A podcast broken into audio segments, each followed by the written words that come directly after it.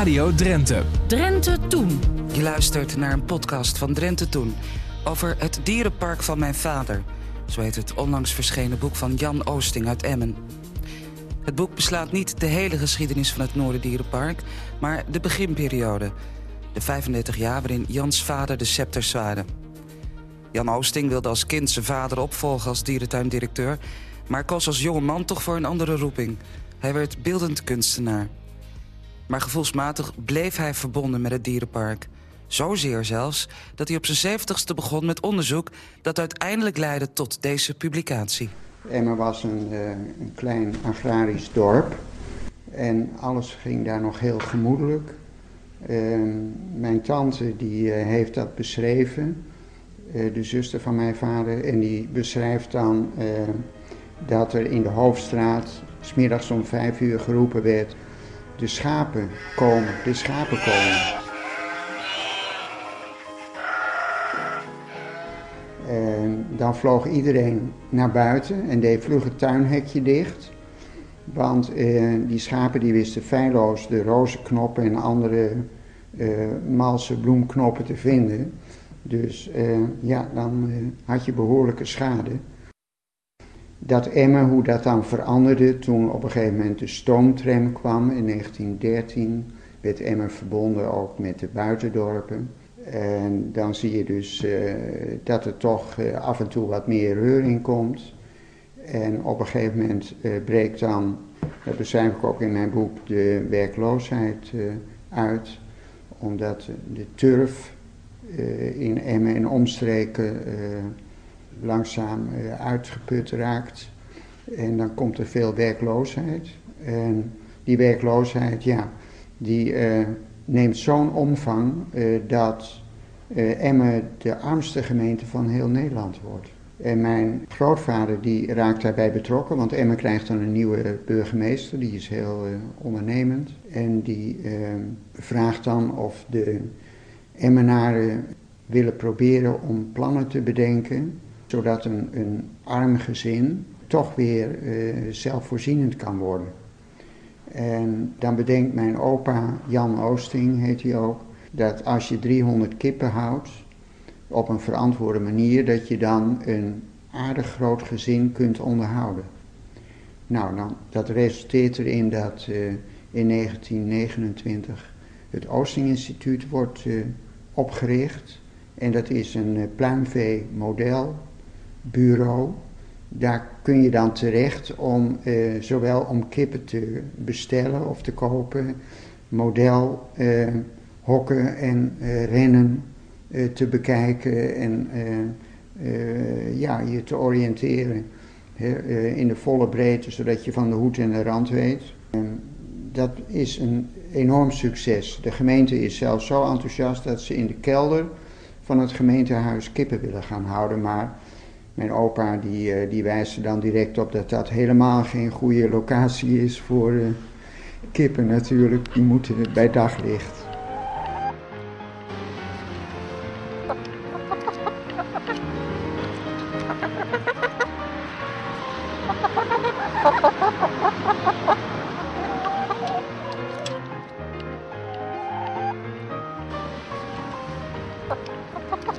vader die, uh, die heeft al heel jong, nadat hij een arts is geweest, om directeur van arts te worden. En uh, dat blijft eigenlijk zijn hele jeugd zo. Maar als hij 17 is, dan uh, ziet hij de tuin, bekijkt hij de tuin van zijn ouders die 4,5 hectare is met de achtertuin. En, dan, en hij weet dat zijn vader die renteniert sinds enige tijd dan weet hij, uh, ja, er is geld en er is grond en daar zou ik dus prachtig een dierenpark kunnen beginnen. Maar ja, zijn vader heeft daar niet zoveel oren naar. Want die zegt, joh, Emmen is veel te afgelegen, ligt veel te afgelegen en uh, daar komen dan vast niet genoeg uh, bezoekers. Maar mijn vader die, die blijft toch bij zijn droom en die raakt bevriend met een directeur van een klein dierenparkje in Zeist. En die uh, leert hem, die is heel commercieel ingesteld, en die leert hem om commercieel te kijken. En die helpt hem ook met een businessplan, met een ondernemersplan. En mijn vader gaat dan uit van Hotel Grimmen tegenover het station waar een speeltuin is en waar jaarlijks 40.000 mensen komen. En hij redeneert dan zo, als hij dus ongeveer 900 meter verderop een dierenpark begint, met een speeltuin en met een restaurant, paviljoen en met ezeltje rijden en bijvoorbeeld ook met een doolhof, dan moet je veel meer mensen kunnen trekken dan 40.000. En dan moet je volgens hem uh, zelfs eh, 100.000 kunnen trekken of meer. Nou, mijn opa die is uh, uiteindelijk zo onder de indruk van zijn businessplan dat hij uh, zwicht. En die steekt er dan 52.000 uh, gulden in. En daar wordt het park dan in de tijd van de werkloosheid, hè, kon je ook makkelijk goedkope arbeidskrachten krijgen, wordt het park gebouwd.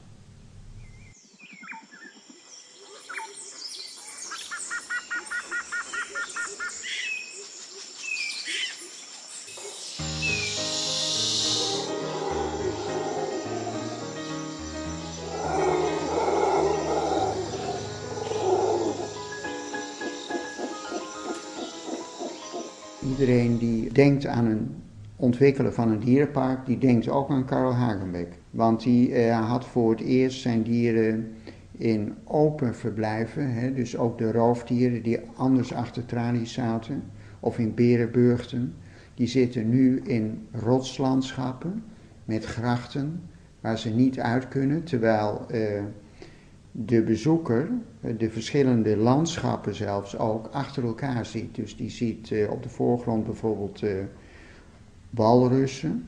Daarachter ziet hij ijsberen. Maar ja, die twee die moeten niet bij elkaar kunnen komen.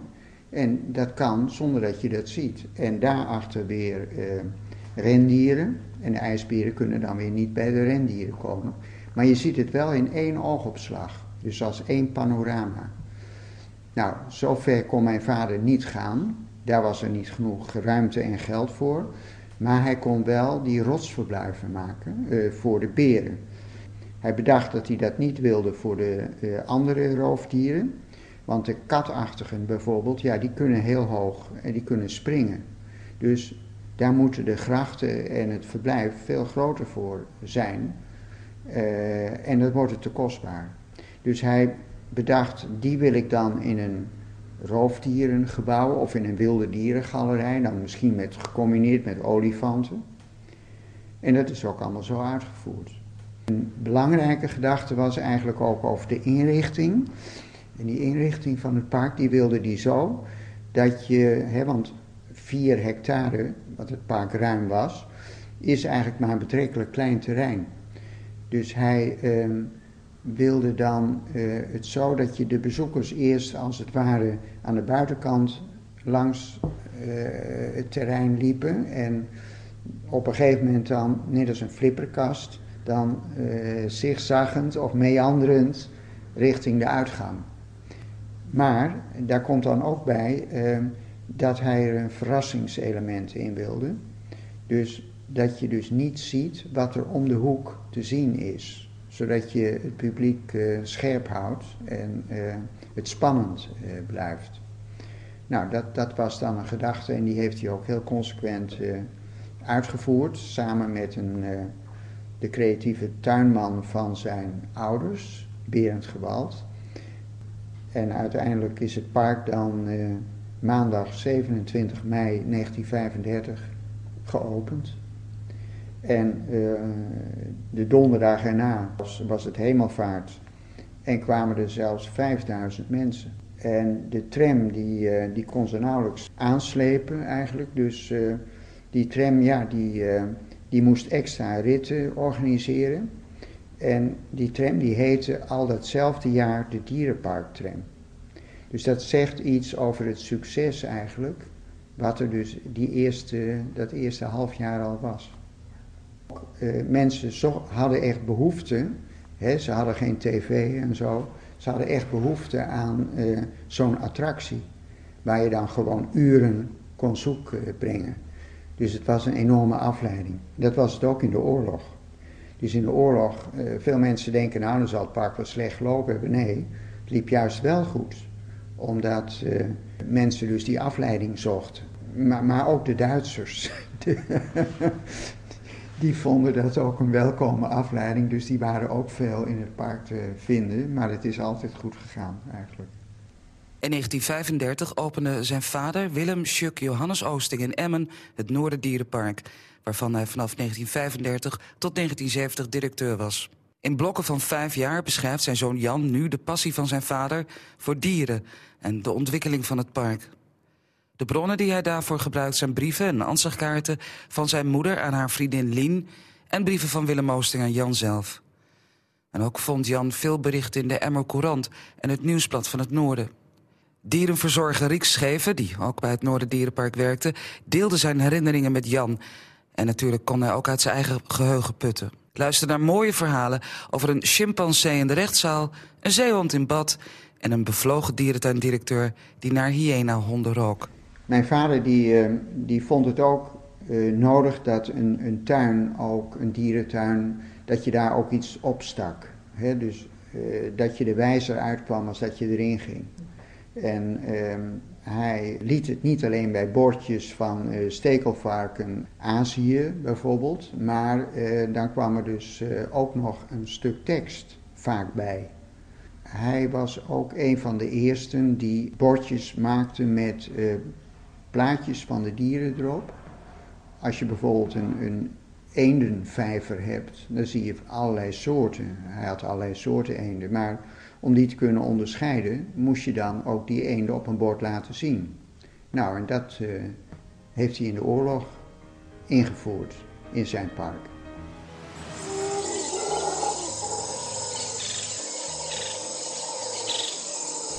Omdat mijn grootouders vinden dat het tijd is dat mijn vader eens aan de vrouw komt. Die zet, ze zetten een advertentie in een groot uh, Nederlands dagblad en er komt dan de dochter van de burgemeester van Winterswijk komt daarop af. En zij is ook net afgestudeerd tuinarchitecte. Nou, eh, dat lijkt de familie niet gek. En eh, als mijn moeder komt, dan, uh, ja, mijn vader die doet haar open en die is op slag verliefd. En hij heeft dan net, mijn vader heeft net een terrein gekocht, omdat het park zo goed eh, ging in 1937. Eh, waar hij een wildpark wilde. En mijn moeder krijgt dan de opdracht om daar een ontwerp voor te maken. Nou, dat wildpark is een oorspronkelijk landgoed met laankampen en weiden. En mijn moeder laat dat eigenlijk zoveel mogelijk intact. Uh, want dat heeft ook zijn voordelen, vindt ze. Want uh, voor de veiligheid, vooral voor vrouwen en meisjes, is het uh, goed dat iedereen elkaar eigenlijk ziet overal. Dus als je in die laankamp aan de ene kant loopt, dan zie je ook de uh, vrouwen aan de andere kant van de laankamp lopen. En dat geeft dus een stukje veiligheid. En zo ontwerpt ze dat, maakt ze dat ontwerp, wat ze ook dan nog aan Dirk de Steeg, dat is in die tijd een beroemde tuinarchitect, voorlegt. Nou, uh, ik weet niet wat die, maar die heeft het goedgekeurd uiteindelijk en dat wordt dan zo uitgevoerd. En dat is wel heel leuk, want dat vind ik ook leuk van mijn boek, dat je dus die ontwikkeling van het dierenpark, dat je die uh, eigenlijk op de voet kunt volgen. Dus je ziet eigenlijk wat er afgebroken wordt, wat erbij komt. Uh, je ziet ook wat mijn vader, je leest ook wat mijn vader daarbij eh, voor voorstelling had, wat hij dacht en waarom hij dat doet. En, eh, want hij wilde zijn park dus steeds verbeteren en ook met de tijd laten meegaan. Dus eh, hij oriënteerde zich natuurlijk ook steeds beter. En hij zag dan wat er in andere dierentuinen gebeurde. En hij, soms dan uh, nam hij dat over, maar het gebeurde ook dat dat hem op een nieuw idee bracht, wat hij dan weer uitvoerde. En een van die dingen is bijvoorbeeld, uh, hij had dan een olifant- en nijlpaardengebouw op een gegeven moment was er ontworpen. En ja, om daar nou zware spijlen voor te zetten, uh, dat zou dus dat rustieke gebouw eigenlijk teniet doen. Dus hij dacht van als ik die olifanten nou eens achter schrikdraad ga houden. En, maar met die gedachte was hij de eerste op deze planeet die zoiets heeft uitgevoerd. Dus de olifanten waren in het Noorderdierenpark vanaf 1947 waren achter schrikdraad te, te zien. En ehm, ja, dat, dat was eh, eh, best heel spannend, want dan had je een laag hekje en dan zag je daar een eindje uh, achter, zag je die olifanten, bijna zonder dat je dat draadje zag. Dus dat, dat had een prachtig effect. En die olifanten waren ook heel slim trouwens, hè, dat zijn ze nog steeds. als een pinda dus net buiten bereik lag, dan bliezen ze lucht boven die pinda. En dan kwam die pinda zo naar hun toe. Dus dat soort dingen allemaal hebben ze, hadden ze, vonden ze uit om dan toch uh, aan hun trekken te komen.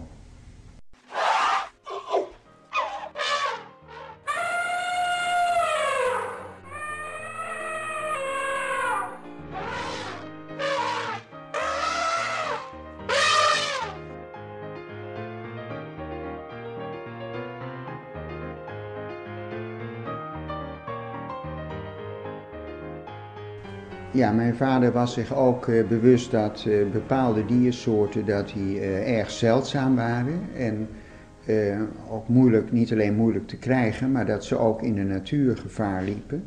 En hij heeft als eerste eigenlijk een fokprogramma in begin jaren 50 opgezet voor hyena-honden. Dat waren de Afrikaanse wilde honden, heette die tegenwoordig.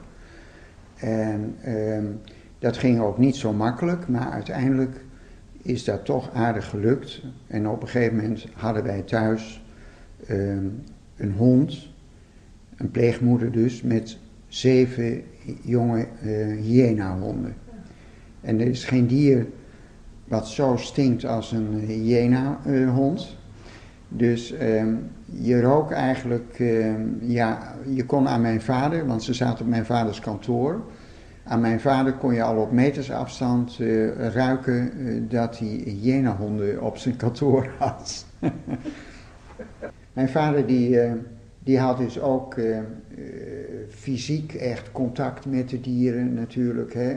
als dieren ziek zijn of zo, ja, dan moet je ze uit hun verblijf halen. En ehm, er kwamen dieren bij ons thuis. En die werden verzorgd, uh, jonge dieren ook heel veel, hè, die door de ouders in de steek waren gelaten. Uh, die kwamen allemaal bij ons thuis. Dus, hè, dus mijn vader die, uh, die had werkelijk dagelijks, haalde die dieren aan. Hè, het nijlpaard kietelde die op zijn gehemelte. hij controleerde dieren, hij ging er dan ook de olifant, daar ging je bij in om hem nog eens eh, van dichtbij eh, goed te bekijken en dat soort dingen. Ik heb zelfs eh, met een zeehond in bad gezeten, maar wel zo verstandig geweest om een zwembroek aan te doen. Want ik hoef het verder niet uit te leggen. Ze konden lelijk bijten en je wist maar nooit.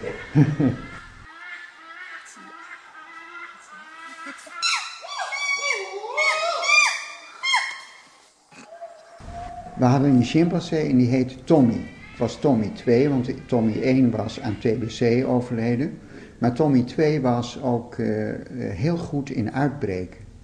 En uh, op een gegeven moment is hij uit zijn hok gebroken. Misschien dat hij met een stukje hout een steeksleutel heeft gemaakt. En Tommy was spoorloos. Dus alle oppassers en mijn vader gingen overal zoeken. En er was een oppasser en die kwam uh, aan de kant van het, uh, de tuin van het kantongerecht.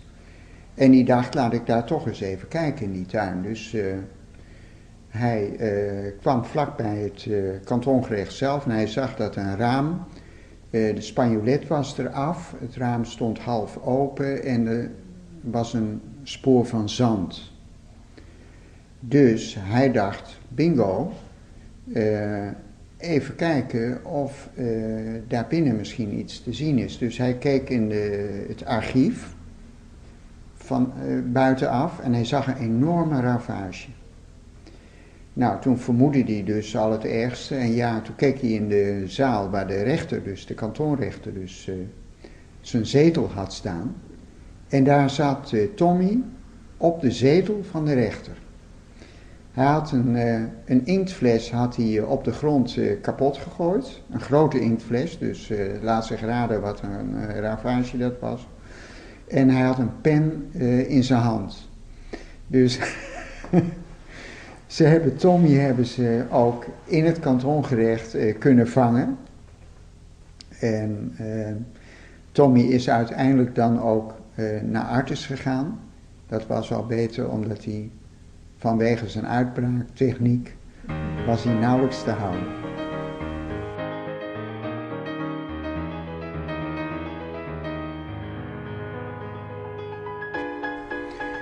Ja, ik heb mijn hele jeugd eigenlijk tot mijn achttiende zou je kunnen zeggen, uh, wilde ik uh, hem opvolgen. Maar er was, intussen had ik ook een andere liefde en dat was uh, tekenen en schilderen en ook boetseren. Dus ik overwoog ook van ja, ik zou ook naar een kunstacademie kunnen. En dat heeft, toen ik 18 was, heb ik daarvoor gekozen. En, maar dat betekende dat ik eigenlijk afscheid nam van mijn jeugddroom om mijn vader op te volgen. Ik heb eh, zeg maar schilderijen, illustraties gemaakt, olieverf, doeken, waard van eh, bij elkaar 25 die in het boek zijn opgenomen. Eh, ik besefte ook, ja, eh, kijk je, je liefde ook voor eh, dat dierenpark, dat kun je eigenlijk uh, buiten woorden, kun je dat heel goed met verf eigenlijk tonen. ieder hoofdstuk, zijn elf hoofdstukken, heeft ook een schilderij en uit die periode. Want mijn boek bestaat eigenlijk steeds uit periode, perioden van vijf jaar. dat is wel grappig, want het beschrijft 35 jaar geschiedenis van het Noorderdierenpark. En ehm, iedere vijf jaar eigenlijk had zijn eigen karakter. De eerste vijf jaar tot aan de oorlog bijvoorbeeld, 1935 tot 1940. En dat gaat dan eigenlijk zo door tot het einde in 1970 dat mijn vader ophield met uh, directeur te zijn Je luisterde naar een podcast van Drenthe Toen. Elke week komen er weer nieuwe bij en ze zijn te downloaden via je podcast-app. Of kijk even op onze website rtvdrenthe.nl. Daar vind je ook andere podcasts. En vond je het leuk of heb je tips? Laat dan een beoordeling achter. Dat vinden wij weer leuk. Dank je wel.